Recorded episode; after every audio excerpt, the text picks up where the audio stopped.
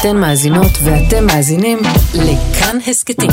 כאן הסכתים, הפודקאסטים של תאגיד השידור הישראלי.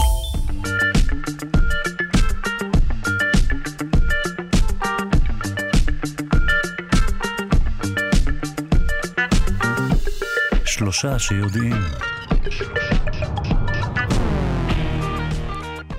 שלום וברוכים המצטרפים לשעה השנייה שלנו, שלושה שיודעים, שתוקדש כולה לענייני תזונה והתפתחות השלד. נשמע כאן דברים שלא תמיד יהיו נעימים לאוזן או טעימים לחך. אני ממליצה לכם אה, להשליך את הבורקס עוד אה, לפני השיחה הזו. אה, כבר מתיישבת באולפן שלנו הפרופסור אפרת מונסונגו אורנן, היא מהמחלקה לביוכימיה, מדעי המזון והתזונה בפקולטה לחקלאות של האוניברסיטה העברית, ותכף נשוחח איתה. אה, נודה אבל לעורכת שלנו, אלכס לויקר, למפיקה, תמר בנימין, לטכנאי, תמיר צוברי, אני שרון קנטור, ועכשיו אנחנו מתחילים.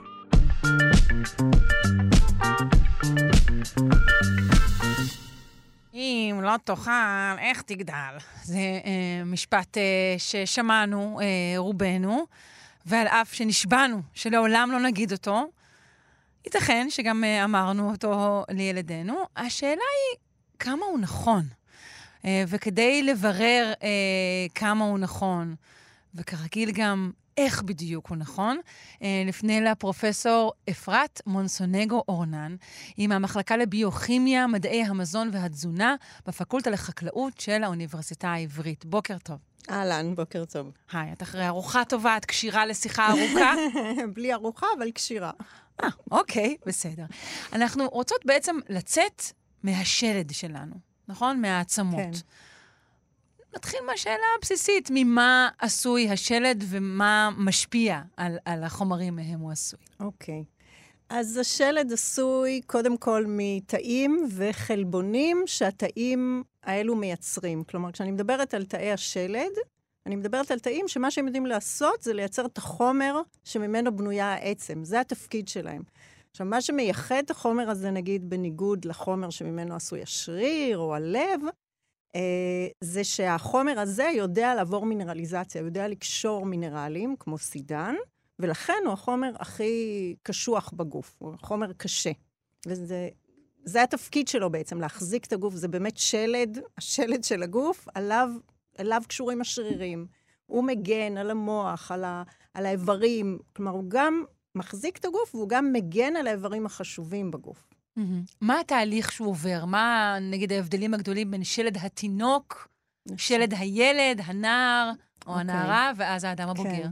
אז צריך להתחיל מהשלד של העובר, עוד לפני התינוק, האמת נכון. היא. Uh, ובאמת אנחנו רואים, יש לנו שני תהליכים בגדול שאנחנו מדברים uh, בבניית שלד. התהליך הראשון זה modeling, זה הבנייה עצמו, שבו מתהווה השלד, הצורה שלו, הגודל. אה, והשלד, הש... והשלד, והתהליך השני שמתרחש כל החיים, זה תהליך של remodeling, של הריסה ובנייה כל הזמן. אז בשלב ראשון אנחנו בונים שלד, ובשלב הבא, אחרי שגמרנו לגדול, שזה אה, בפני עצמו נושא בדיוק מתי גומרים לגדול, השלד כל הזמן משתחלף, וזה מאוד מאוד חשוב. הוא נראה לנו כמו משהו קבוע שלא משתנה, אבל הוא מאוד... משתחלף? כן. שזה בדיוק... שהחומר כל הזמן מחליף את עצמו. מחליף את עצמו, כן. אוקיי. אם אני מסתכלת על שלד אה, שלי היום ועוד עשר שנים, בעצם אין שום דבר מהשלד היום שעוד עשר שנים יהיה שם. כל החומר יוחלף, טוב, אבל זה בהדרגה. אומרים שאני הוא הרי בכלל אינו אני שהיה פה לפני. אה, אוקיי. כמה שנים. כן. אמ, מהו בעצם אה, תהליך, נגיד, הגדילה של העצם? מה זה בעצם? Okay. מה אוקיי. קורה שם? אז בתהליך הגדילה יש לנו, אה, קודם כל צריך להבין שהשלד נבנה על בסיס של סחוס. קודם נוצר סחוס, והסחוס מוחלף אחר כך בעצם. כלומר, יש לי תהליך של גם כן בנייה, הריסה, דיוק של הדברים. השלד... אנחנו לוקחים את זה כמובן מאליו ששתי אה, הידיים שלנו הן באותו גודל, שהרגליים שלנו באותו אורך. זה בכלל לא, זה, זה פלא הדבר הזה. כלומר, איך, איך הדברים נוצרים במבנה המדויק, הפונקציונלי, וגם בגדלים המדויקים, ואנחנו מעריכים את זה רק כשהם לא נוצרים ככה. כלומר, כשיש תקלה ופתאום רגל אחת ארוכה יותר מהשנייה, אז כולם אה, מתעוררים. כולם נעמדים על הרגליים האחוריות. לגמרי.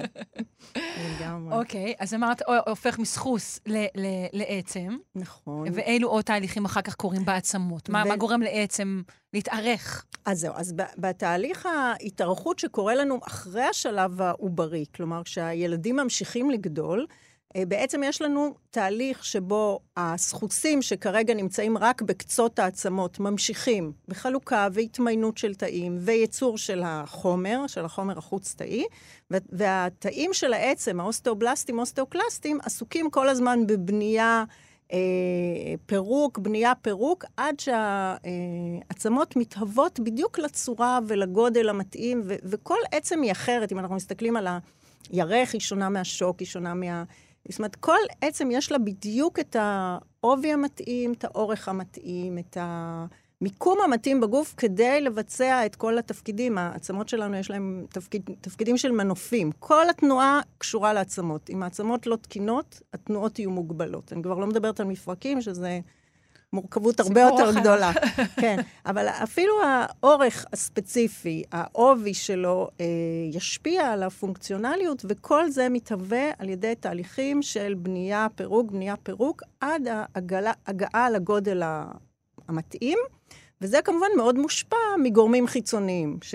ולזה יש איזשהו רגע שיא, שהוא הרגע האידיאלי של השלד, ואחר כך ומשם מתחיל, down אה, the hill כמו, כמו היתר, לא... כן, כמו היתר, וזה כמובן מה שאמרת גם נכון מן הסתם לכל בעלי החיים. נכון? לכל בעלי החיים, לגמרי, כן. ומבחינתנו זה מאוד חשוב, כי אנחנו, המחקר שלנו בעצם משתמש במודלים פרה-קליניים, במילים אחרות בבעלי חיים, כדי ללמוד על תהליכים שמתרחשים אה, בבני אדם. אז, אז ההקבלה בין התהליכים היא מאוד חשובה לנו, וזה באמת מאוד מאוד דומה באופן, אה, לא רק בינינו לבין אה, מכרסמים נגיד, חולדות ועכברים, שזה המודלים הקלאסיים, אבל גם בינינו לבין זבובים, בינינו לבין דגים, וכל המודלים הביולוגיים שאנחנו משתמשים בהם כדי ללמוד על השלד ועל מה שקורה בו. תהליכים מאוד מאוד דומים. אמרת זבובים, כן?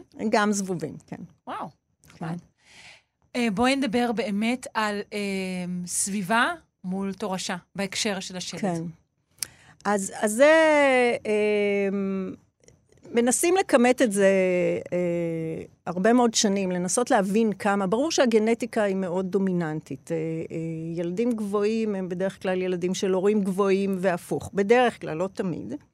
אה, ו- והמחשבה היא שבערך 70 אחוז גנטיקה, במה שיקבע לאיזה גובה נגיע, ו-30 אחוז זה השפעות סביבתיות. עכשיו, צריך להבין שגם, אז ישר אומרים, אז איך זה שלא כל האחים הם באותו גובה, יש להם אותה גנטיקה? אז אין להם בדיוק אותה גנטיקה, כי בכל... התמהיל הוא אחר. התמהיל הוא אחר, בדיוק. אבל uh, מעבר ל-70 אחוז גנטיקה שאנחנו מקבלים מההורים שלנו, יש לנו uh, את העומסים שיש על השלד, יש לנו את התזונה, שזה אבני הבניין והאנרגיה וכל מה שצריך כדי שהשלד יגדל. ו- וכאן נכנס האם לא תאכל לא תגדל. לא נעים, אבל זה נכון.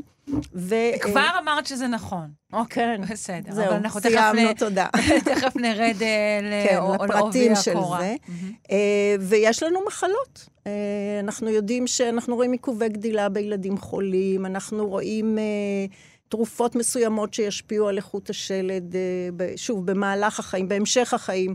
כלומר, אנחנו לנו... רואים לפעמים גם בהיריון אפילו עיכובי גדילה, שלא בהכרח מחלות קשות, אבל לפעמים. יש עיכובי גדילה מסוגים שונים. ואנחנו רואים תנודתיות מאוד גדולה בחומר של העצם בזמן הריון, בזמן הנקה, וגם שיקום מאוד מהיר לאחר מכן. כלומר, מהמם. עיבוד מאוד גדול של מסת עצם בזמן הריון והנקה, ובנייה מאוד יפה אה, אחרי זה, למרות שזו כבר אישה, כאילו, בגיל, אה, אה, זאת אומרת, לא בגיל התפתחות, אלא בגיל של מיינטננס, ובכל זאת השלד משלים את עצמו מאוד יפה אחרי הריון. דיברנו על, על גנטיקה ועל גובה. אנחנו רואים הבדלים גנטיים גם בין אה, עמים שונים, מן הסתם, נכון? נכון. מסתכלים על מפת כדור הארץ, יש עמים שהם גבוהים יותר. הגבוהים, רובם אה, נמצאים ההולנדים. בצפון אירופה, ההולנדים ענקיים. נכון. אה, ולעומת זאת, עמים נגיד בדרום אמריקה, נכון, או באסיה, או שהם קטנים. יותר. כן, אז זה באמת חושבים שזה השפעות גנטיות בעיקר, אבל אם מסתכלים על הדוגמה של צפון קוריאה ודרום קוריאה, למשל, שזה אותו, אותו עם מבחינה גנטית. נכון, הוא הופרד, חלוקה. אה, לא זוכרת. חלוקה פוליטית לחלוטין. כן, 60 שנה, מדינית. 70 שנה, כן. משהו כזה. ורק בשנים האלה נוצרו הבדלים של שמונה סנטימטרים בממוצע, שזה הבדל עצום. מה? עצום. באמת? כן. שמונה סנטימטרים כן. הבדל בגובה בין בין- צפון קוריאה לדרום קוריאה? כן. לטובת מי? לטובת הדרומיים, כמובן. לטובת הדרומיים. כן. כלומר, לטובת אלו שגם המשטר בהם שחיים- משוחרר שחי- יותר.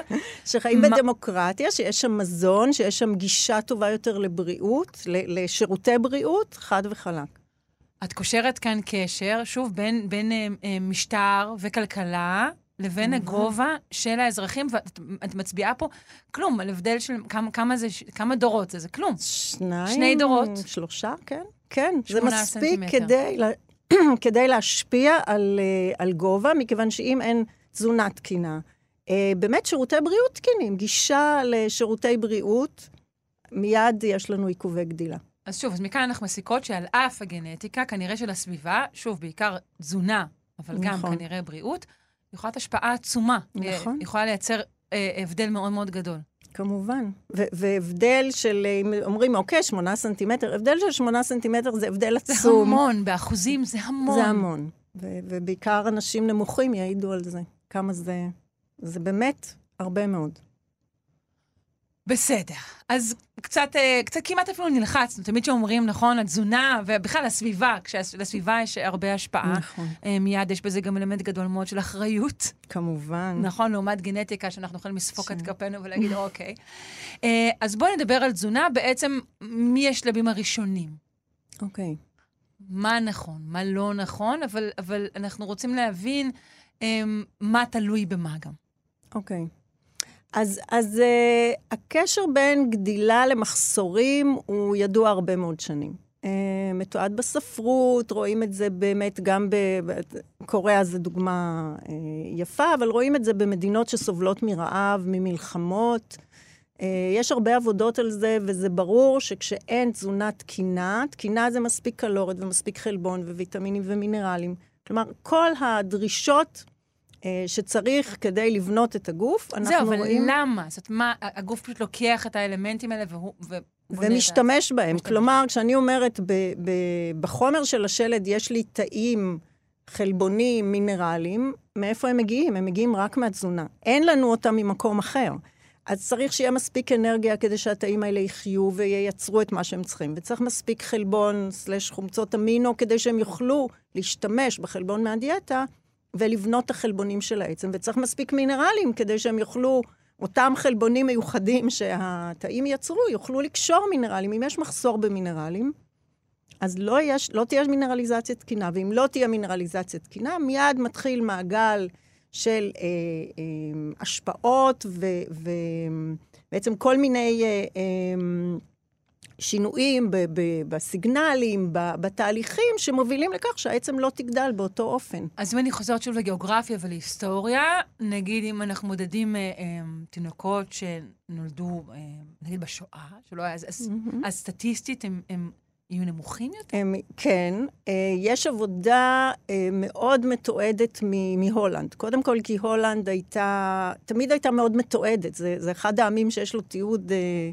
200 או 300 שנה אחורה, אהה. כאילו סקר אוכלוסין מסודר, ומה שבארץ התחילו רק ב, באמת 20-30 שנה, שם יש כבר 200 שנה. ומה שנוצר במלחמת העולם השנייה זה שהיה אזור בהולנד שהיה ממש בהקצבת מזון מאוד מאוד מוגבלת, אני לא זוכרת את הקלוריות, אבל הרבה פחות ממה שצריך, מול אזור אחר שעוד היה משוחרר יחסית, והתזונה הייתה בו תקינה, וישבו אה, נשים בהיריון, שהיו בהיריון בתקופה הזו בשני האזורים, ובדקו מה קרה אחר כך לילדים שלהם, ועוקבים אחריהם שנים. ואחד הדברים שראו זה באמת אה, משקל לידה שונה, אורך לידה. אנחנו נולדים באורך מסוים, זה הפוטנציאל, זה, משם מתחיל הגובה שלנו. אה, מה שנקרא גובה, אבל בילודים הוא אורך. הוא אוקיי. אורך, אבל זה, זה גובה. זה רק בגלל שהם מוטלים ככה על ה- על השולחן. מדידה, זה כן, אורך. אוקיי. לגמרי. אז, אה, אה, והם נולדו קצרים יותר, רזים יותר, קצרים יותר, וגם ההשלמה אחר כך הייתה פחות מוצלחת. פחות מוצלחת, זה מה ו- שרציתי לשאול, עד כן. כמה הגוף יכול לפצות אחר כך על חוסרים. אה, זה תלוי, וזה גם קצת המחקר שלנו נגע בזה. יש חלון הזדמנויות ל- לשינוי ותיקון, בהחלט, אה, אבל הוא לא אינסופי, והתיקון צריך להיעשות בצורה טובה. מה שקרה עם אלה שהצליחו לתקן טוב את, ה, את הגובה והמשקל, זה שכשהם היו מבוגרים, הם חלו יותר במחלות מטבוליות. כלומר, ההאצה הזאת של הגוף בניצול אנרגיה, מזון, ההשלמה הזו, יש לה מחירים, והמחירים הם מטבוליים. מעניין. אז בהולנד עקבו אחרי זה באמת אה, בצורה מאוד מאוד יפה, וגם טיפלו, זאת אומרת, המלחמה נגמרה ו, וטיפלו באנשים, ו, וממש תיעדו את האפקטים של חוסרים בזמן ההתפתחות העוברית. אבל כמובן שאנחנו רואים במדינות עולם שלישי חוסרים בשנים הראשונות. מדברים בילדים מדברים על אלף הימים הראשונים אה, של ההתפתחות, שבעצם מתחילים עוד לפני ההיריון, בהכנה של הגוף של האימא, ועד אה, גיל שנתיים, שאלה ימים קריטיים להתפתחות. את השלד נורא קל לראות, כי מודדים אורך, גובה, אבל זה התפתחות של כל האיברים בגוף. כלומר, אם התפתחות השלד נפגעת, אז כמעט בטוח שגם התפתחות המוח תיפגע, והתפתחות המערכת החיסונית והתפתחות המערכת המינית. הם כולם מתפתחים באותו חלון. וכאשר בחלון הזה של האלף ימים הראשונים יש פגיעה משמעותית בתזונה, אנחנו רואים המשך לכל החיים של מחסורים, של אה, נטייה יותר למחלות, של עצם פחות טובה, ואז בגיל המבוגר רואים אוסטאופורוזיס גם, שזה בעצם ההידרדרות של השלד, שעכשיו הגדירו אותה מאוד נחמד, אמרו זו מחלה פדיאטרית, מחלת ילדים, שמתבטאת בזקנה. אה, מעניין. אנחנו לא בונים עצם מספיק טובה, אנחנו בגיל מבוגר נ, אה, נשלם על זה. ובעמים, נגיד, שוב דיברנו על דרום אמריקה, אז מעבר למשהו שהוא גנטי, יש פה גם איזושהי תזונה שאולי דלה יחסית, נגיד? אז זה מאוד תלוי, מאוד תלוי איפה. כלומר, mm-hmm. זה ממש נקודתי איפה, וגם... אבל לא... רואים קורלציה עולמית. רואים קורלציה עולמית לגמרי. Okay. אוקיי. הדבר, הצד השני שאותנו מאוד עניין, זה מה קורה עם תזונת יתר.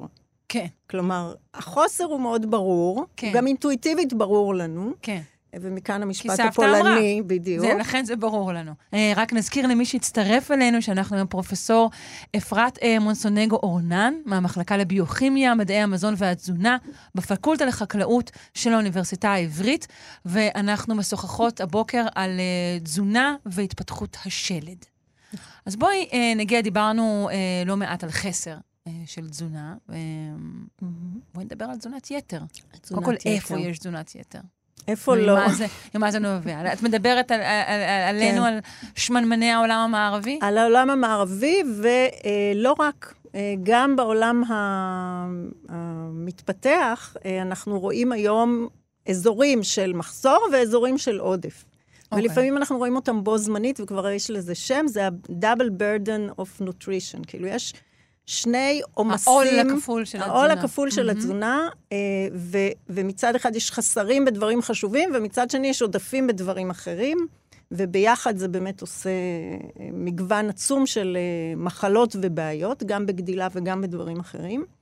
בכלל, כשמגדירים תת-תזונה, או באנגלית זה malnutrition, אז יש לנו כמה סוגים של תת-תזונה. יש לנו malnutrition שהוא under-nutrition, שהוא פחות מדי תזונה, ויש לנו malnutrition שהוא over-nutrition. זה גם תזונה לא תקינה. over-nutrition. Okay, לא, לא תקינה אני מבינה, אבל איך זה יכול, זה, זה יכול לייצר חוסרים? תזונת יתר? אז, אז uh, כשאנחנו מדברים על תזונת יתר, אנחנו בדרך כלל אינטואיטיבית הולכים להשמנה ומחלות לב וסוכרת. Uh, אבל באופן שבו אנחנו ניזונים היום, העולם המערבי, וה, או גם רוב, חלקים גדולים מהעולם המתפתח, אז אנחנו היום ניזונים מתזונה שכשאני מדברת על עודפים, אני מדברת על עודפים של אנרגיה, של קלוריות. אני מדברת על עודפים של שומן, אני מדברת על עודפים עצומים של סוכר, חסרי כל, כל דמיון למה שהאדם בהתפתחות שלו צרך. ומצד שני, באותה דיאטה שיש בה עודפים של שומן וקלוריות וסוכר, יש בה חסרים של כל מיני פקטורים אחרים. מאוד חשובים. כלומר, יש חסרים, זה לא, ש, זה, זה לא, שרק, זה לא שהעודף מייצר נכון. את הבעיה, כלומר, מייצר בעיות מסוימות, אבל כן, יש גם נכון. אה, אה, חוסרים. אני חושבת שזה גם וגם. זאת אומרת, גם באותה תזונה עשירה יש חוסרים, למרות שהיא אה, עשירה מדי, וגם האופן הזנה הזו, אם אנחנו מדברים למשל על מחלות שקשורות לתזונה, אותם סכרת, מחלות לב, שפעם ראינו אותם רק באנשים מבוגרים. היום אנחנו רואים אותם בילדים. עכשיו, ילדים שסובלים מסוכרת בגיל צעיר, ברור שהם כל הגוף לא מתפתח בצורה טובה, כי יש עליו עומס אה, מאוד מאוד גדול של, של סכרת או, או מחלות כן. לב. נזכיר שאנחנו מדברות אה, בשבוע בו בוטל המס על המשקאות זה- הממותקים, כן. וכל האחוזים שנחסכו בשתייה, ונחסכו אחוזים נחסכו, כאלה. נחסכו הרבה, האמת שזה היה אה, ממש מוצלח, וזה מאוד מתסכל, מכעיס ממש הביטול של המס הזה. כן. אה, בואי ניגש אה, למחקר שלך, אה, האחרון, ש, שפורסם לדעתי, הוא פורסם אה, ב-2021 בכתבה נכון. נרחבת בעיתון הארץ, אה, שעוסק בג'אנק פוד, וג'אנק פוד. נכון? אפשר כן, להגיד. כן. איך, יש, מינוח בעברית. לג'אנק פוד? אה, אוכל זבל? לא, נראה לי. איך יש משהו יותר קודם טוב. כל, המינוח... מזון מהיר. מזון אבל מהיר. מזון מהיר נשמע הרבה יותר טוב מאשר נכון. ג'אנק פוד. אם היינו קוראים לזה אוכל זבל, אז אולי היו אוכלים אולי פחות? פחות היינו אוכלים, אני לא יודעת. העובדה שלאמריקאים זה לא עוזר, את אומרת. זה לא עוזר. אה, אבל אני רוצה שלפני שניגש כמובן אה, למסקנותיו ונפרוס את כולן, אני רוצה להבין איך אתן עובדות במעבדה. אוקיי. ועובדות זה נכון, אנחנו מעבדה של אה, אה, חוקרות בעיקר, של סטודנטיות וחוקרות. אה, ורובנו עם רקע תזונתי, כלומר, למדנו מדעי תזונה, ואז באנו לעשות מחקר. איך ו- עשית מעבר רק בקצרה מתזונה לענייני שלד? אה, אז זה מעבר שאני עשיתי. אני עשיתי את התואר הראשון שלי בתזונה, אה, ואז הבנתי שאני רוצה להמשיך ולחקור. זאת אומרת, אני לא רוצה רק להיות תזונאית מטפלת, אלא אני נורא רוצה להבין למה. כמה פעמים אפשר להגיד אבוקדו וטחינה בחיים? בלי סוף. האמת, בלי סוף. אוקיי. שאלה, את- כן. אה, ואני רוצה להבין, ולהבין זה להמשיך לעשות מחקר, ואז עשיתי דוקטורט באמת שכבר עסק בהתפתחות שלד, והמשכתי לפוסט-דוקטורט שעסק במחלות גנטיות של שלד, ואז כשבניתי את המעבדה שלי, אז בעצם שילבתי את שני הנושאים. אוקיי. אה, אז, אז ככה הגענו ל... אז כשאנחנו נכנסים למעבדה שלך, נכנסים אנחנו רואים? למעבדה. אמ, רואים שולחנות מעבדה, בקבוקים, אה, החיות ניסוי נמצאות בבית חיות, הן לא נמצאות במעבדה. ורואים סטודנטים, אה, אוקיי. סטודנטיות מאוד נחמדות, ו... ואתם בעצם בודקים הרגלי תזונה על, על, על חיות הניסוי, נכון? כן. אז זהו, אז, זה אז, נעשה? אז ה, ה, כל המחקר הזה הגיע מתוך שאלה אה, כללית יותר של איך אה, חוקרים תזונה. כי, כי מה שקורה ב, ב, בתזונה, בניגוד נגיד למחקרים בגנטיקה, או מחקרים אה, על תרופות, שאנחנו כל פעם משנים משהו אחד. אני פוגעת בגן אחד ואני רואה מה קרה. אני מוסיפה מולקולה ואני רואה מה קרה. בתזונה זה, זה לא דומה לזה בכלל. אף אחד לא אוכל מולקולה אחת, או אפילו נוטריאנט אחד. היה אנחנו- דיבור כזה כשהייתי קטנה, שהכל יהיה בגלולות שהכל מדודות יהיה בגלולה וזה, אבל זה מדודה. לא קורה. זה גם לא יקרה כנראה, כי אלא אם כן, לא יודעת. אלא אם כן יהיה מחסור נוראי, אבל האופי של האדם הוא לא זה. אנחנו סקרנים, ואנחנו רוצים לטעום, ואנחנו נהנים מאוכל, ותרבות זה אוכל, ו... כאילו, אני לא רואה איך זה מצטמצם, זה להפך, זה רק הולך. ותופח כל הזמן. אז... אה, תופח. כן. ברח. אז, אז באמת השאלה הייתה איך לומדים uh, תזונה. ומה שקורה היום זה שתזונה לומדים בדרך כלל במחקרים אפידמיולוגיים, זאת אומרת, מסתכלים על אוכלוסייה וכותבים, uh, ממלאים שאלונים ובודקים ועושים קורלציות. אבל המחקר שלנו הוא לא מחקר של קורלציות, הוא מחקר שאנחנו רוצים לעשות מניפולציה, להשפיע. ואז אמרנו, טוב, אז מה עושים? הם מסתכלים על pattern־ים של תזונה. אנחנו לא נסתכל על רק ויטמין D, רק סידן, שהם נורא חשובים והמון שנים עשיתי את זה, אבל ננסה משהו אחר. ואמרנו, נבחר תבנית אכילה כלשהי, אממ. ונבדוק אותה. ואז, אוקיי. איזה תבנית בוחרים? יש אינסוף תבניות אכילה, והתחלנו... תבנית אכילה, קרי אכילת ג'אנק פוד, קרי טבעונות. כן. אלו תבניות אכילה, אלה למשל. תבניות אכילה. אכילת לילה. זה גם אכילה. תבנית אכילה. אכילת לילה זה תבנית אכילה, אוקיי. אכילה, אה, באמת כל הסיפור של vegan או vegetarian, או, או omnivore־ים, או תזונה קטוגנית, או לא חסר. היום יש, כן. לא נכון. חסר.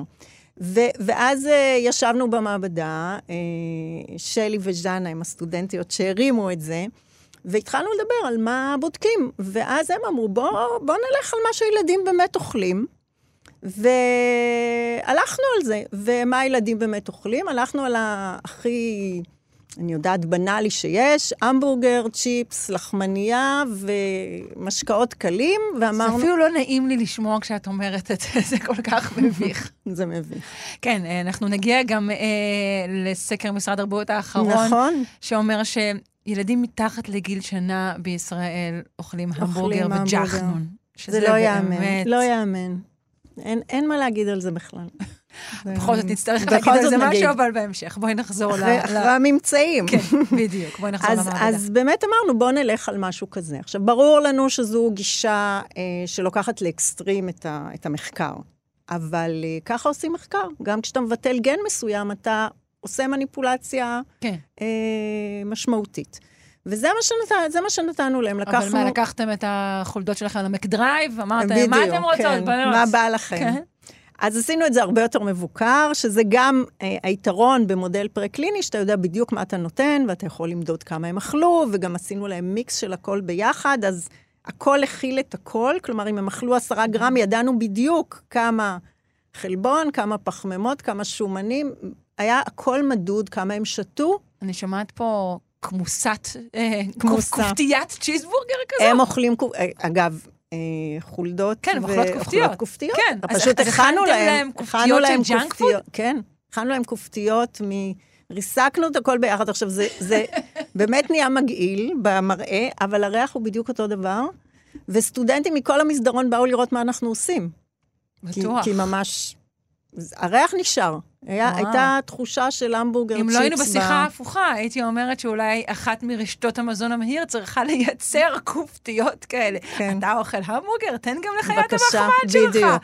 כופתייה כזו, אוקיי. כן. אז זהו, אז הם קיבלו את הכופתיות, והם קיבלו אופציה לשתות משקה קל או מים, גם וגם, והם מאוד אהבו את המשקאות הקלים, והם מאוד אהבו אהבו. את האוכל הזה. כן, הם מאוד דומים לנו, אה, מאוד מאוד דומים. אהבו, ואפילו היית אומרת אולי יותר מאהבו? כן, הם אכלו יותר. נטייה... הם לא אכלו יודעת אם התמכרות, יותר. אולי זאת מילה חזקה, אבל אכלו יותר. אנחנו לא יודעים לבדוק התמכרות, זאת אומרת, יודעים לבדוק התמכרות בחיות, אבל זה לא היה חלק מהמחקר. אוקיי. אה, אבל הם ללא ספק אכלו יותר ממה שאכלה הקבוצה שקיבלה את הדיאטה הרגילה ל- והמומלצת לחולדות. בחולדות, אוקיי. וחולדות, ב- על איזה גיל אנחנו מדברים אז זהו? לקחנו חולדות מיד אחרי גמילה מהנקה, שזה שלושה שבועות, וגידלנו אותם עד גיל עשרה שבועות, שזה ההתבגרות המינית. אז בעצם ב- בשישה שבועות ניסוי הזה, הקפנו את כל תהליך הגדילה אה, של ילדים, נגיד מגיל שנתיים עד אה, 12-13, של ילדות, אגב, אנחנו עובדים אה, על נקבות. Mm.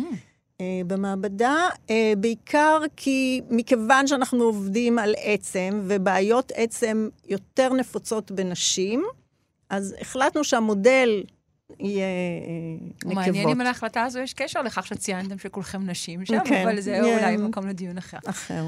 בסדר, אוקיי, אז מה... טם טם אז מה קרה? כמה בריאות היו כן. החולדות שאכלו אז, ג'אנק אז ה- אנחנו ציפינו, אה, שוב, כי ידענו מה אנחנו נותנים להם, ציפינו לאיזושהי השמנה עם קצת, אה, לא יודעת, כל מיני תופעות, אה, אולי קצת שינוי באיכות של העצם, דברים, זה מה שציפינו לראות. היו, מההתחלה הייתה הפתעה, למרות שהם אכלו יותר, הם לא עלו במשקל, לא רק שהם לא השמינו, היה עיכוב גדילה. הם לא לא עלו השמינו. במשקל, הם לא השמינו, והם לא עלו במשקל כמו חיות הביקורת. ובחולדות באמת בודקים אורך, לא גובה, כי הן כן. עומדות על ארבע, והן היו קצרות יותר. כלומר, כבר אחרי שלושה שבועות של הדיאטה הזו ראינו שהן קצרות יותר, שהן במשקל נמוך יותר, ואחרי שישה שבועות זה הלך והתחזק עד סוף הניסוי. אז כבר אנחנו סודקות את המשפט הזה, אם לא תאכל, איך תגדל. נכון. זה אם מה תאכל, עם מה תאכל. איך זה, תגדל. כן, אוקיי. כן, כן, לגמרי. אבל אצל בני אדם, שניזונים נכון. מג'אנק פוד ילדים, אנחנו כן רואים השמנה. נכון, נכון. זה היה אחד ה... עוד פעם, זה אחת התופעות של ניסוי שאתה לוקח אותו לאקסטרים. כי גם שום ילד, הילד כן. הכי, זה, הילד האמריקאי מה- כן. מהשכונות, גם הוא לא אוכל רק אה, המבורגר צ'יפס. כן, על אף המשפט הוא שאני לא זוכרת מי אמר, שלא, עגבניות יש בקטשופ. בדיוק. והם רושמים, הם, הם מודדים את זה כן. כמנת אה, מנת ירק. זאת אומרת, תזונת קיצון הביאה לכך שהם פשוט לא גדלו. כן. אחר כך, בהמשך של הניסוי, עשינו באמת, uh, בגלל טענה ש-nobody eats like that, אז עשינו ניסוי שבו נתנו להם 70 אחוז מהג'אנק פוד ו-30 אחוז אוכל רגיל, שזה כבר מדמה את האחוזים uh, שאנחנו מדברים כן. בקרב ילדים. Mhm. ילדים אוכלים בערך 70 אחוז ג'אנק פוד, ואז באמת קיבלנו את אותם פנוטיפים בעצם, שאני תכף אספר עליהם, ו... אבל בהרבה פחות קיצוני וביחד עם השמנה. כן הייתה השמנה. כן, כש... שערבבנו את זה עם תזונה אוקיי. רגילה.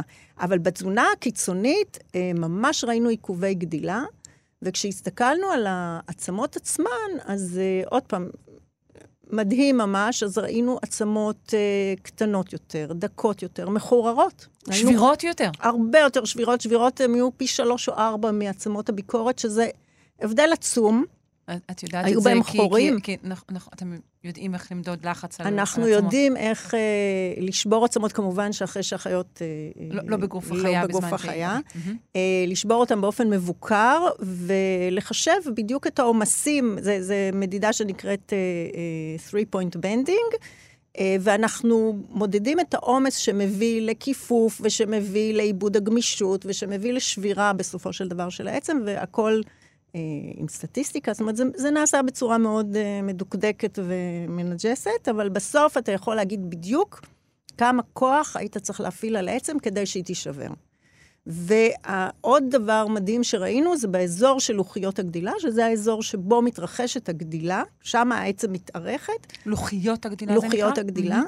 ראינו פלקים של סחוסים, ממש גושי סחוס, במקום אותו תהליך שהסברתי קודם, שקודם נוצר סחוס ואז הוא מוחלף בעצם, ראינו ממש אה, גושים של סחוסים שלא עברו את השחלוף הזה, את המעבר, מה שיכול להסביר למה העצם הייתה באיכות כל כך אה, ירודה, ובעצם מעיד על כך שהתזונה הזאת ומה שהיא עושה לגוף, אה, נותנת אה, סיגנלים לא נכונים לתאים, איזשהו, תאים לא יודעים מה הם אמורים לעשות, הרי יש איזה sequence של מהלכים שהתאים צריכים לעשות על מנת שהעצם תגדל, כן. והם לא עושים אותם. אוקיי, שתי שאלות עכשיו. אומרים לך, בסדר, זה החולדות. נכון. זה לא בני אדם. אנחנו אז- חכמים יותר, טובים יותר, מוצלחים יותר ומותאמים יותר למזון לאוכל- מהיר. אז קודם כל, אנחנו לא מותאמים יותר למזון אה. מהיר. אה, אולי בעוד אה, כמה אלפי שנים נהיה מותאמים אם אה, נגיע לשם, אבל אה, התאמה לוקחת הרבה מאוד שנים.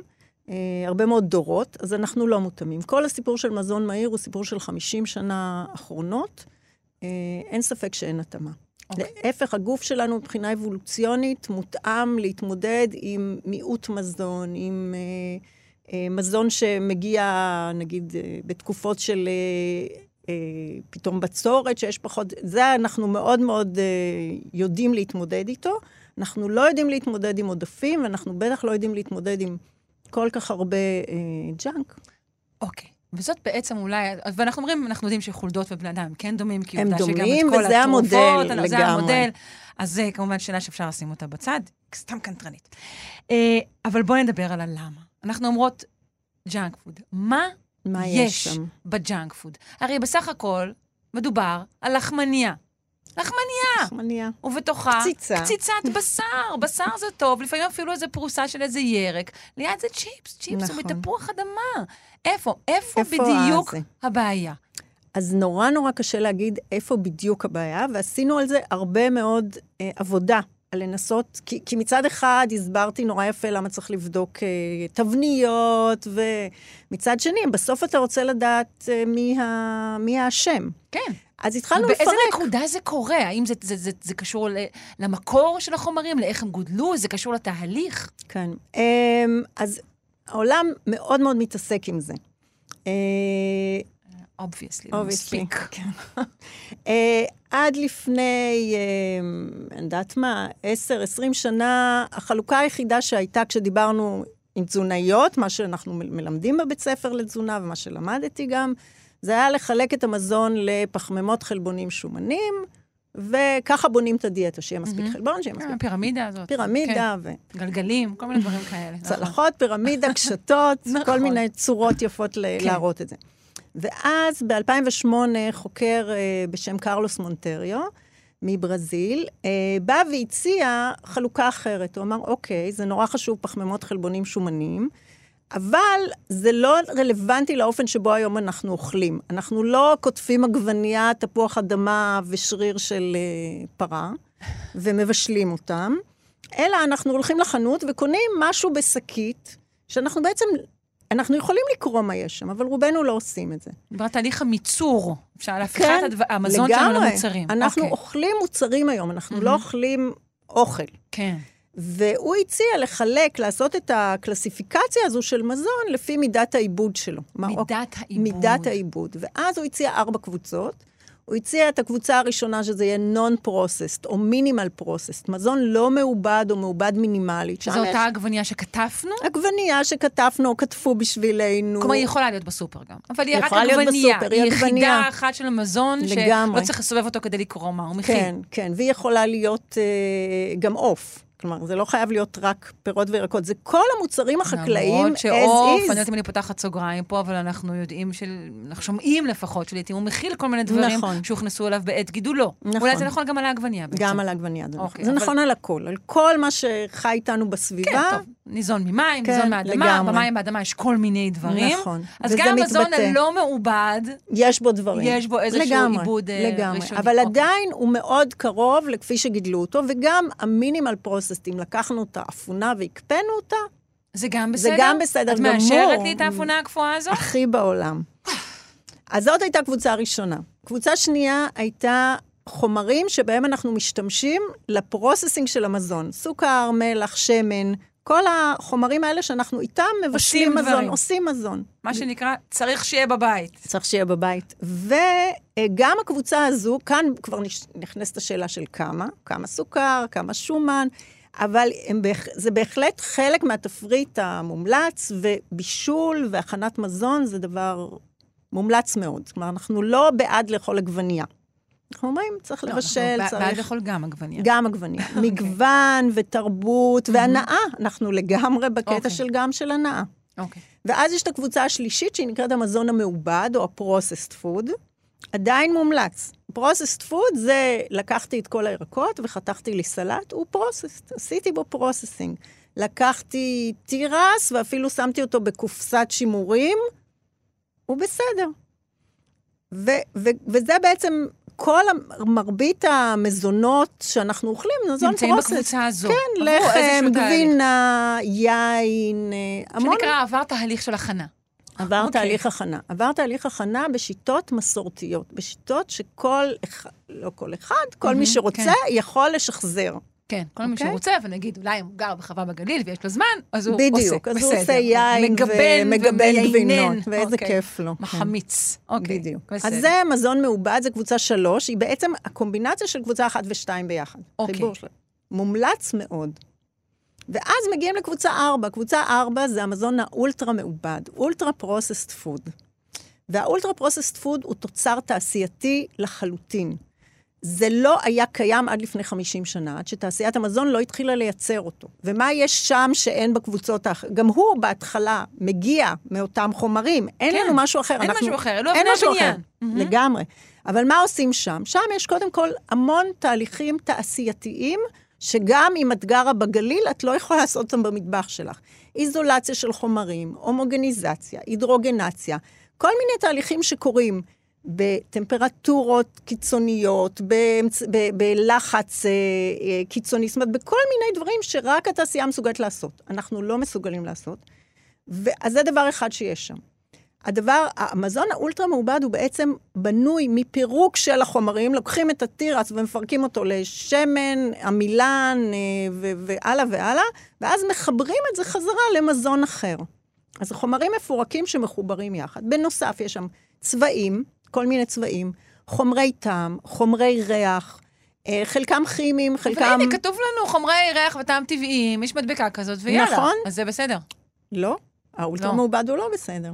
גם אם הם טבעיים. חומרי טעם, חומרי ריח, חומרי אמולסיה, חומרי שימור, בלי סוף חומרים שמכניסים פנימה. אם אתה מסתכל על תוויות של אה, מזון אולטרה מעובד, אתה יכול להגיע ל-50-60 מרכיבים בדוריטוס. תקראו פעם מה כתוב על דוריטוס מאחורה.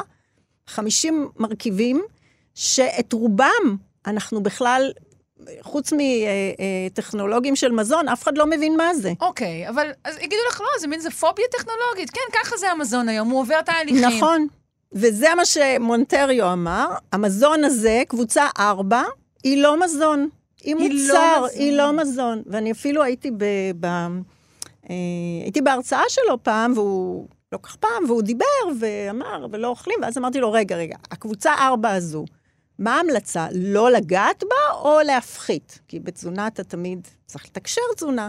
אז הוא אמר לי, מה ההמלצה שלך על אה, אלכוהול לילדים? אה, לא לגעת או להפחית? מה ההמלצה שלך על סיגרת? ככה הוא מתייחס לזה. קבוצה 4, קבוצת המזון האולטרה מעובד, זה לא okay. אוקיי. מזון. תכף נגיע לפוליטיזציה של המזון, שבעצם על זה אנחנו, פה אנחנו מתחילות לגעת כן. בזה, אבל רגע, רק למי שהצטרף, אני אעדכן אתכם שאני יושבת כאן עם הפרופסור אה, אפרת מונסונגו אורנן, מהמחלקה לביוכימיה, מדעי המזון והתזונה בפקולטה לחקלאות של האוניברסיטה העברית. כשתיארת עכשיו את המזון האולטרה מעובד, אמרתי לעצמי שחלק גדול ממה שמכונה ג'אנק פוד לא נשמע לי כשייך לקבוצה הזו. למשל. מה כאילו, למשל? כאילו המבורגר, כזה עוד... ש... נשמע לי שרק הכינו אותו, שרק בישלו אותו, כמו אצלי בבית. מה הם מעוללים לו שם? אז, אז תלוי איך, אז המבורגר יכול להיות מעובד ויכול להיות אולטרה מעובד. אם קנית אה, בשר וטחנו לך, את לא צריכה לטחון לבד. בשר וטחנת אותו, ואז קציצה וטיגנת אותו, אז הוא פרוססט, הוא קבוצה שלוש. Mm-hmm. אבל אם קנית את הקציצה הזאת, המוכנה מראש, הארוזה במקפיא של הסופר, תקראי מה כתוב שם. יש בה צבעים, יש בה חומרי שימור, יש בה חומרי מאכל, יש בה חומרי... היא רחוקה מאוד מאוד מהבשר הרק טחון ו... ומטוגן. והסיבה שהם מוכנסים כל החומרים האלה זה לעמידות? לעמידות. להוזלה? עמידות, הוזלה מאוד. זה עשוי מחומרים, כאילו, לקחת אה, שריר ולטחון אותו ולעשות ממנו המבורגר, זה הרבה הרבה יותר יקר מאשר לקחת אה, כל מיני אה, אה, אולי חלקים פחות טובים של הבשר, ולטחון ולפרק ולהרכיב מחדש ולהוסיף שומן אחר ולהוסיף המון צבעים והמון חומרי טעם כדי שזה יהיה לנו טעים. וכל הדברים, וצבע כדי שזה יהיה אדום, ויראה לנו כאילו ההמבורגר הזה אדום. הדברים האלה יוצרים מזון שהוא הרבה יותר זול, ולכן הוא מיוצר, והוא פחות בריא.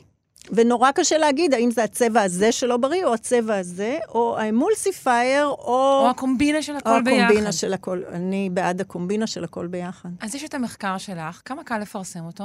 היה? Uh, זה לא היה קל לפרסם. Uh, קודם כל, אה, מטעמים אה, מאוד ברורים שהלכנו כאן על משהו חדש. הלכנו על, באמת על הגישה הזו שבו נבדוק אה, קומבינציה של מזון. ואז שוב ושוב חזרו, אמרו, אוקיי, מה שאת אומרת, אבל מה מתוך הדברים עושה את זה? את מראה איזושהי תופעה, נתת קומבינציה, קיבלת עצמות מחורבנות. אבל אולי זה לא זה, זה ההוא, אולי זה כן, לא ואיך את יודעת וזה, ועשינו המון המון עבודה על זה. עשינו רק את השתייה קלה לחוד, ורק את הפחמימות, ורק את השומנים, ורק, ו, וכל פעם באמת אה, עוד ועוד תוצאות שאספנו כדי לנסות ולשים את האצבע. ו, וגם עשינו הרבה מאוד אה, ניתוח של המנגנונים, כאילו את הטרנסקריפטום, את הגנים שמתבטאים בלוחית גדילה המבולבלת הזו, ו, ו, וכל הדברים האלה. אז, אז מהטעם הזה זה לא היה פשוט לפרסם את זה.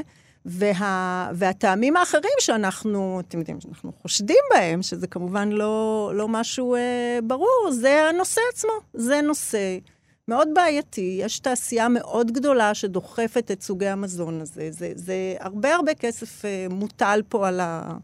אה, יודעת מה, על, על הצלחת. ו, אה, ואין כל כך אינטרס לפרסם כאלה דברים. זה לא דבר יש, שהוא... יש, יש אינטרס אפילו למנוע את פרסומם. יש אינטרס נאמר, למנוע. נאמר עכשיו, בזהירות. יש הרבה מאוד... אה, אה, יש עבודות של אה, אה, חוקרים שממש בודקים את זה, בודקים את הפוליטיקה של המזון, מי שמוזמנים להסתכל למשל באתר של אה, מריו נסטלה, שמתעסקת בזה, והראתה במשך שנים... נסטלה? היא... לא, היא לא, סתם. כי זה, כן, כן, מעט אירוני הת- אפילו. אוקיי. הצטרפות מקרים. אה, אה, אבל של אה, רוברט לוסטיג אפשר להסתכל על האתר שלו, שהוא ממש מתאר את זה, כיצד החברות מזון אה, מממנות מחקרים שבאים לא להגיד שסוכר זה טוב, או שאולטרה מעובד זה טוב, זה לא, לא משהו שאנשים יגידו באופן מפורש, אבל שיגידו, הכי חשוב לעשות פעילות גופנית, וזה לא כל כך נורא ויותר חשוב, ואה, ועוד טענה תמיד. כל המזון, כל אה, מוצרי המזון הם, הם בריאים, זו רק שאלה של כמות. לא, לא הכל בריא. זה נכון שזו גם שאלה של כמות, אבל אי אפשר להסיט את הדיון מזה שיש מזונות בריאים, ויש מזונות שהם לא בריאים. ויש הרבה מאוד אה, אה, ניסיון לקדם את זה זה הכל בריא, ואנחנו אה, חופשיים לבחור, ואנחנו... ואמירות כשלכם אפילו פטרנליסטיות, ואולי מונעות מאיתנו את החופש שלנו. נכון. שזו כמובן אשליה, כי ברגע שכוחות כלכליים אדירים בדיוק. מעורבים, אין חופש. אין חופש. זה לא נכון. ובטח כשהם אה, לוחצים על ילדים, והילדים לוחצים על ההורים, כי אנחנו תמיד גם, כן. ב- באמירות האלה, ב- בכל פעם ש- שיצא לי לדבר על המחקר, אז תמיד קצת לא נעים לי כלפי ההורים, שגם ככה הם... אה, הם חיים קשים. חיים קשים ו- ורגשי אשמה ומה לא, ואז את באה ואומרת להם, וגם זה שלקחתם אותם למקדונלד, עשיתם להם, תראו מה עשיתם להם. ולא רק זה, נגיד זה הם יודעים, אבל נגיד משהו כמו דגני בוקר. דגני בוקר. שאנחנו חושבים שאולי הם משהו טוב ומזין, כי יש שם דווקא רשימה נורא יש מפורטת רשימה של ויטמינים, ויטמינים מינרלים. ומינרלים, אבל כן, ויטמינים ומינרלים. אז גם זה, זה גם מזון דגני, אולטרה מעובד. לגמרי, דגני בוקר הם אולטרה מעובדים, והאמת היא שעוד פעם, לקחת את המוצר ולקרוא את האינגרידיאנט שלו, וברגע שהרשימה היא אינסופית, עם כל מיני שמות מוזרים, זו, זה הסימן הכי טוב שזה אולטרה מעובד, ובטח אם אתה רואה משהו מתפצפץ כחול, כאילו, איך זה יכול להיות מזון טבעי, כאילו, מין דגן כחול לארוחת בוקר ליד הוורוד והכתום? מופק מאוכמניות. מאוכמניות לגמרי. זה אוכמנית, אוכמנית אוכמנית. מתפצפצ, מתפצפצת. תראי, בחיים שלנו היום אנחנו מוקפים באין ספור דברים שאין לנו שום מושג איך הם נכון. עובדים ומה הם מכילים. זה לא רק המזון שלנו, זה גם מה שאני נוגעת בו כעת. אני יודעת מה יש בעכבר המחשב הזה? אני לא יודעת הרבה מאוד דברים, המזון הוא רק דבר אחד. גם דרך האור ודרך הנשימה, נכון. אני סופגת הרבה דברים. אולי זה, זה מה שקורה עכשיו, זו דרכו של עולם. כן, ואנחנו מנסים... מנסים אה, לצמצם. לצמצם ולהפחית את זה, ובטח למנוע את זה מ- מילדים, כי עוד פעם, ה- ה- בכל זאת, בן אדם מבוגר עושה את השיקולים שלו, וזכותו גם, אה, אה, לא יודעת, זכותו לעשן, וזכותו לצרוך אלכוהול, וזכותו... זה כן. כמובן. אבל בטח להתחיל להאכיל ילדים במזונות האלה, זו לא בחירה שלהם, וזה עושה נזק אה, ארוך טווח. זה עושה נזק לכל החיים. לחיים, וגם לכלכלה. תמיד צריך להגיד וגם לכלכלה, זה נורא נורא. משכנע, כי בסוף, אה. בסוף אה, המיסים על הבריאות אה, יוצאים כמובן מהכיס של כל האוכלוסייה. נכון. הבטחנו שנדבר קצת על סקר משרד הבריאות שפורסם ממש בשבוע שעבר. נכון. אני אתן פה כמה נתונים. יותר מ-63% מהתינוקות הערבים וקרוב ל-15% מהתינוקות היהודים בישראל שותים משקאות ממותקים לפני גיל שנה. כ-18% מכלל התינוקות בישראל, 25% מהערבים וכמעט 19% מהיהודים, אוכלים מזון מהיר כמו פלאפל, המבורגר, פיצה, בורקס, מלאווח, ג'חנון ושניצל מעובד, קרי קנוי ולא זה שנעשה בבית, לפני שמלאו להם 12 אה, חודשים. אה, ויש כאן עוד, אה, עוד כן. נתונים. איך אנחנו מסבירות את איך זה? וגם, מסבירים את זה? ו- ושוב, ויחד עם זה, יש גם איזו חדווה של, של האם ושל הסבתא, אה, כשה, כשהילד הקטן לוקח, שולח את ידו אל הבורקס הראשון שלו, הוא בקושי עומד, אבל הוא כבר אוחז כבר בו. אוכל. ואנחנו, אמ, אני כבר לא מדברת על הנזק הבריאותי שזה עושה לגוף שלו, אנחנו מרגילים אותו. בגיל הזה, בגיל הזה מתהווה, מתהווים הרגלי האכילה שלנו, הט, הטעמים שאנחנו אוהבים, המרקמים שאנחנו אוהבים, ואנחנו אה, מפגישים אותו עם... עם אה, מרקמים לא נכונים, עם טעמים לא נכונים, טעמים מאוד חזקים. אני חושבת שכל מי שניסה להפחית סוכר, למשל, כן? אנשים שהחליטו להפחית סוכר, בהתחלה זה נורא קשה, הכל מר, אבל אתה מתרגל לזה. ו- וההפך. אני שתיתי קפה שנים עם סוכר, והיום תשימי לי אפילו גרגיר סוכר בקפה, אני אפלוט אותו. אותו. והקטע הוא בדיוק זה. יש לנו, ללשון שלנו, לגוף שלנו, יש יכולת התרגלות לטעמים. כשאנחנו רגילים למאוד מתוק, אנחנו צריכים עוד ועוד מתוק, זה טעם ממכר. מתוק הוא טעם ממכר. ו- ובזה שאנחנו מגיל כל כך צעיר מרגילים אותם, שהפינוק זה מתוק, גם, ה- גם הרגשי, אבל גם הטעם ממש. פינוק זה מתוק, ופינוק זה, זה בורקס עם איזשהו אה, מרקם שהוא באמת ייחודי לבורקס, והוא מאוד כיפי ובסדר, אבל זה למידה מאוד לא נכונה, ושתייה ממותקת זה אחד הדברים המיותרים ביותר שיש, פשוט לא צריך את זה. אין שום סיבה לשתות שתייה מתוקה. תמיד כשאנשים אומרים לי, אם אני יכול לעשות רק שינוי אחד, תעיפו את כל המשקאות הממותקים, לא צריך את זה, אין בזה שום תועלת, רק נזק, ויש המון נזק. נתתם לחולדות אה, את אחד מתחליפי אה, חלב האם, אגב? לא, לא, לא עשינו את זה. אה, אבל זה מחקרים שנעשים, יש אה, אה, פיתוח של תחליפי חלב אם הוא מאוד מאוד מבוקר, הוא הרבה הרבה יותר מבוקר מפיתוח מזונות אחרים, בגלל הנזק הפוטנציאלי שיכול הוא לקרות. מזון אולטרה מעובד? הוא בעצם מזון אולטרה מעובד. בעצם, okay. מכיוון שהוא עשוי מחומרים שמבודדים. החלבון מבודד מ- מחלב, וה... כן. אבל כאן נכנסים שיקולים אחרים. אתה אומר, אוקיי, אה, אימא שלא יכולה, אה, לא רוצה להעניק, מה האופציות שלה? אין לה בעצם שום אופציות טובות חוץ מאותם אה, תמ"לים, חוץ מה... אה, באמת התחליפי חלב אה, שמיוצרים במיוחד לתינוקות, וזו האופציה הכי הכי טובה שיש, חוץ מהנקה. ובגלל זה, לסמן דווקא אותה כמזון אולטרה מעובד יעשה עוול להרבה מאוד אימהות שלא יכולות או לא רוצות להעניק. בסדר, השאלה איך אנחנו משליכות את הסוג הזה של הקבלה שתיארת כלפי בכלל אה, אוכלוסיות אה, שקשה להן ולכן ניגשות אה, למזון מהיר נכון. מעובד. אני לא יודעת כמה סלחנים אנחנו צריכים להיות, אבל אני בטח לא המקום. אני חושבת שזה צריך להיות, אה, אה, קודם כל זה צריך להיות איזושהי רגולציה של המדינה שמחליטה אה, על, מה, על מה לעשות מיסוי ועל מה, בצד השני, גם על מה כן. לתת סובסידיות. מה אנחנו, בדיוק. למה אנחנו רוצים לדחוף אוכלוסייה לצרוך, ושזה יהיה לה באמת זול וקל. זו הנקודה החשובה. סבסוד מאוד. של מזון ללא בריא. ספק, ללא ספק. להבדיל ממדבקות אזהרה למיניהן גם שנערמות. וגם, אולי צריך גם וגם. נכון. והדבר השני, שזה חייב לבוא כל הזמן עם הסברה ועם חינוך, ואולי מניעת אה, פרסומת של אה, מזונות מזיקים ב- ל- לילדים, ואולי... זה לא בא בפני עצמו, זה לא עשינו מיסוי וגמרנו עם עוד הסיפור. לא נגענו בסידור הסופרמרקטים, אה, שגם ה- הוא נושא בפני הכל, עצמו. הכל צריך להיות ביחד על מנת להגיע לזה שאנשים, אה, קודם כל יהיו מודעים, ודבר שני, שזה יהיה להם קל וזול יחסית, כי בכל מקרה, אה, מזון אה, convenient food, המזון מהמם. המהיר, הוא באמת יותר נוח, ואנחנו מדברים על אנשים שעובדים קשה, ואימהות שהיום, אימהות אבות שלא בבית, אלא... וכל הדברים האלה הם, הם דברים שמקשים על לאכול אוכל כמו שסבתות שלנו בישלו. אז צריך שמשהו יהיה בזה קל, למשל שהמחיר יהיה יותר טוב, למשל שהזמינות תהיה מאוד פשוטה. כן. זאת אומרת, צריך ל, ל, זה צריך גם להיעשות. לשם כך צריך לנטרל הרבה מאוד כוחות כלכליים ופוליטיים. נקווה נכון. שזה אה, יקרה אה, בקרוב. מיד. אני מודה לך מאוד על השיחה אה, מאירת העיניים הזו. פרופסור אפרת מונסונגו אורנן, מהמחלקה לביוכימיה, מדעי המזון והתזונה בפקולטה לחקלאות של האוניברסיטה העברית. תודה רבה. תודה לכם.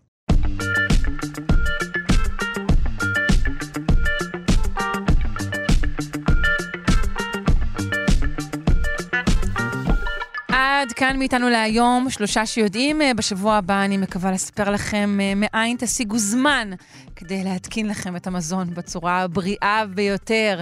אה, נודה שוב לפרופסור אפרת מונסונגו אורנן, שהתארחה כאן בשעה הזו, ונודה גם לעורכת שלנו, אלכס לויקר, למפיקה, תמר בנימין, לטכנאי, תמיר צוברי. נזכיר שניתן להאזין לנו גם בשידור חוזר בשעה שמונה בערב, או בצורה של הסכת. ביישומון של כאן או בכל יישומון אחר, אה, ובאיזו שעה שמתאים לכם. לא צריך להתחייב. אני נפרדת מכם, אה, שרון קנטור, ומאחלת לכם המשך אה, יום נעים. ביי ביי.